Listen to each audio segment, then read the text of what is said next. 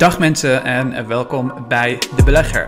Gaaf dat jullie er weer zijn. Leuk dat jullie er weer zijn. En vandaag een net wat andere aflevering dan normaal. Want vandaag ga ik iets meer persoonlijk vertellen over wie ik ben en wat mijn beleggingsfilosofie is. En hoe ik nou aan die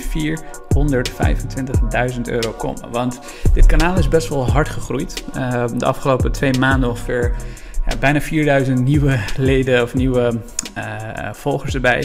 En al die mensen die kennen mij dus daadwerkelijk niet. Er zijn heel veel mensen die mij wat langer volgen. Ik, het kanaal bestaat al bijna drie jaar.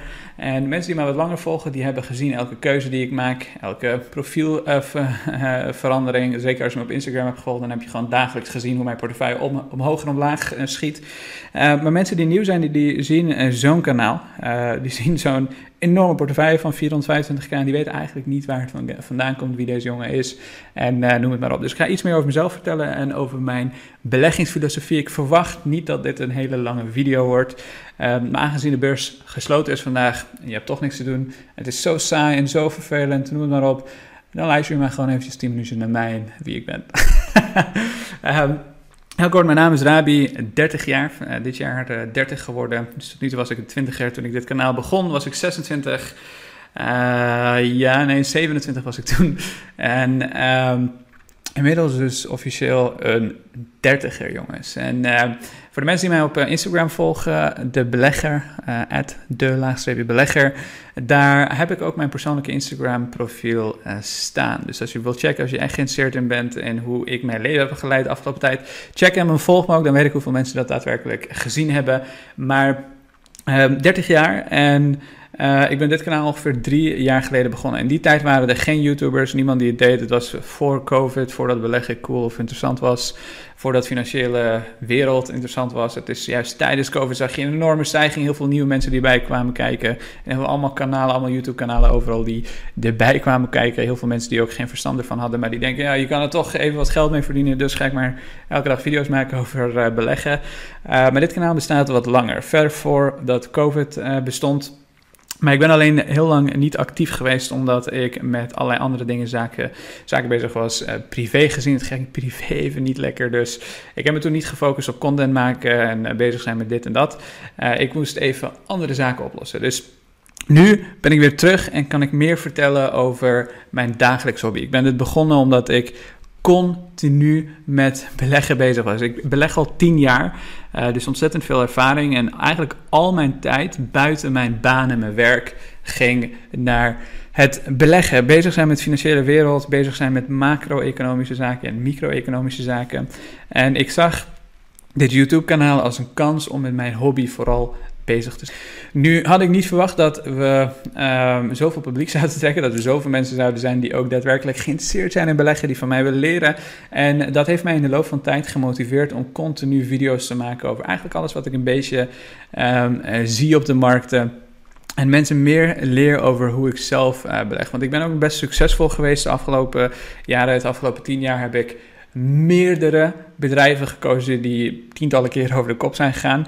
Nu zeg ik daarmee niet dat het gegarandeerd is dat het de komende tien jaar ook daadwerkelijk gaat gebeuren. Maar bedrijven zoals Nvidia, bedrijven zoals AMD, bedrijven zoals Microsoft, bedrijven zoals de Trade Desk, bedrijven zoals de Shopify, MongoDB, noemt maar al. Al die verschillende bedrijven zijn allemaal stuk voor stuk keer tien gegaan en die bezit ik al jarenlang. Dus er zijn een aantal dingen waarvan ik zou zeggen die ik toepas, die het ook mogelijk maken om dat soort bedrijven te vinden. Nu is het niet Kijk, het is, niet, het is nooit gegarandeerd en ik maak ook heel veel missers.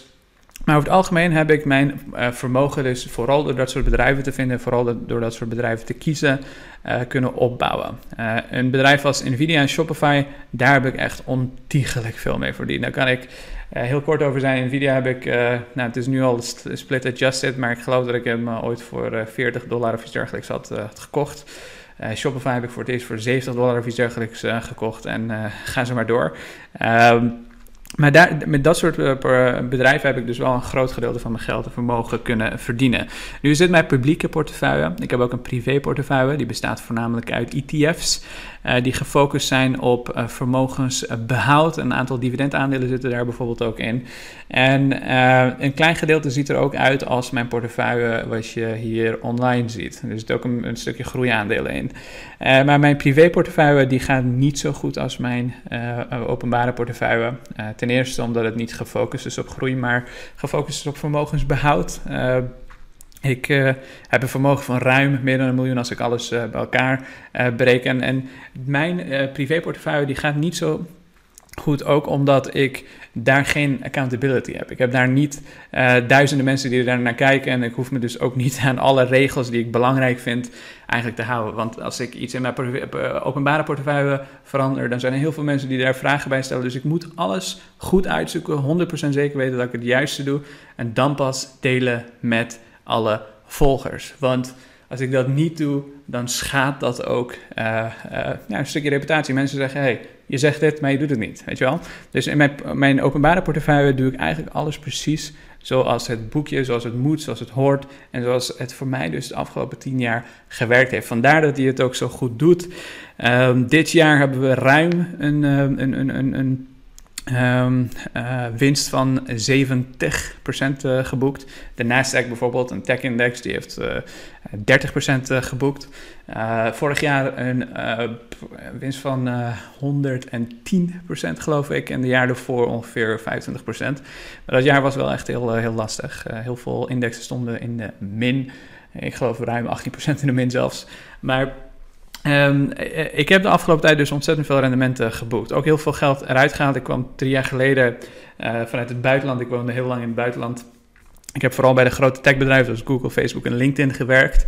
En um, ik woonde dus ook tien jaar lang in het buitenland. En toen ik hier naar Nederland kwam, dat is toen ik dit uh, portefeuille op de Giro ben gaan begonnen. En het begon te filmen en vertellen over, uh, over dingen waar ik mee bezig was. Um, maar een groot gedeelte van mijn vermogen heb ik dus in het buitenland vooral opgebouwd. En dat puur en enkel door periodiek te beleggen. Mijn eerste aandelen kreeg ik van Google, omdat ik daar kwam te werken. En die aandelen gingen, uh, die, die verdrievoudigd binnen, binnen een jaar tijd. En dat was het moment dat ik dacht, ik moet leren hoe het beleggen in elkaar zit. Hoe werkt het om zo'n aandeel te waarderen? En hoe kan ik bedrijven vinden, net als Google, die een hele goede competitieve positie hebben, die ontzettend veel geld verdienen, die een heel schaalbaar businessmodel hebben, die waarschijnlijk de komende tien jaar meegaat. En in die tijd was Google natuurlijk gewoon een heel klein bedrijfje in vergelijking met nu. Uh, hetzelfde met Facebook waar ik heb gewerkt, hetzelfde met LinkedIn, die uiteindelijk voor 28 miljard is overgenomen door Microsoft. En ik heb door die groei mee te maken, door binnenuit in die techbedrijven te werken en ook gewoon heel veel tijd te investeren in het leren waarderen van bedrijven, uh, uiteindelijk een soort strategie opgebouwd die voor mij werkt. En dat is ook wat ik veel mensen binnen de community probeer te leren. Mijn beleggingsfilosofie, waar ik naar kijk, wat voor bedrijven ik interessant vind. En um, het is iets ook wat ik gewoon ontzettend leuk vind om te doen. En ik uh, verdien natuurlijk ook ontzettend veel geld mee. Dus dat is, is natuurlijk ook al, altijd heel fijn als je met je hobby geld verdient. De meeste hobby's die kosten je geld. um, maar uh, iets meer op mezelf. Uh, mijn ouders die kwamen, ehm, wat was het, ongeveer 20 jaar geleden vanuit Afghanistan naar Nederland, waren vluchtelingen. Ik heb in die tijd ook on, ruim onder de armoedegrens geleefd.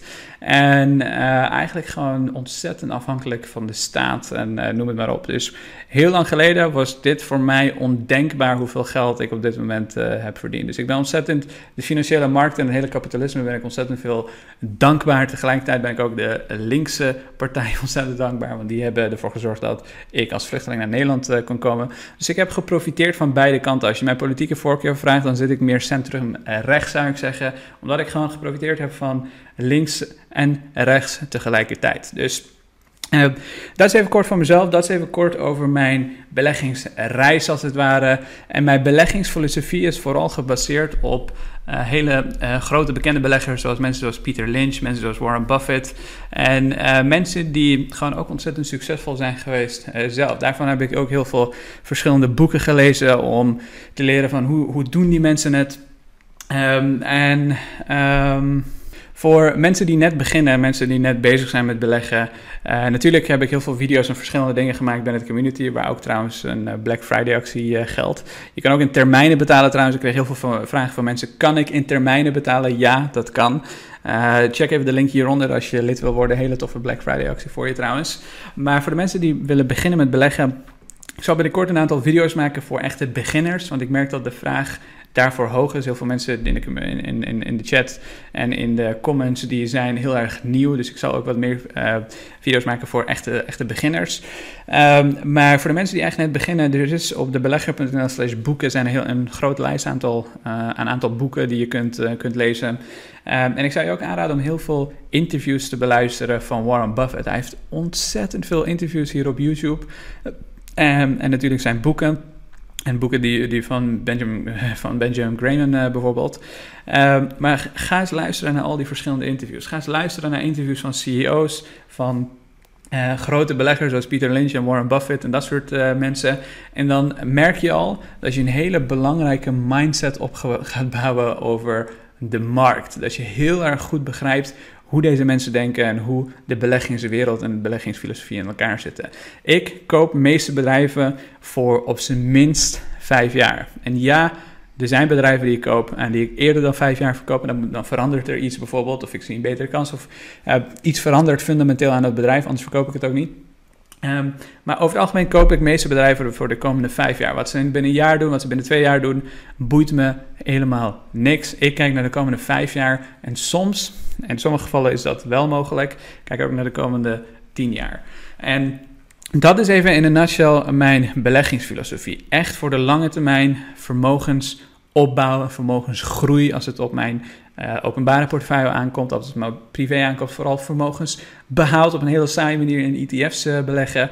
Uh, en als het aankomt op vermogensgroei, is het vooral in groeiende aandelen die ik goed begrijp, die ik goed snap, die een duidelijk competitief voordeel hebben, die hele goede financial, financials hebben, waar je redelijke prijs uh, voor betaald. Ik koop geen, ja, het zijn nu wel dure aandelen, maar toen ik ze kocht waren het geen dure aandelen, laat ik het zo zeggen. sommige lijken duur, maar zijn in theorie niet zo duur als je de juiste berekeningen en dergelijke maakt. Uh, maar dat is even in een nutshell mijn beleggingsstrategie en uh, wie ik ben. En welkom nogmaals aan al die duizenden mensen die mij zijn gaan volgen. En als je nog niet geabonneerd bent en je kijkt deze video's en 50% die doet dat, zorg dat je hier beneden even abonneert. Dan mis je nooit meer een video. Dank voor het kijken.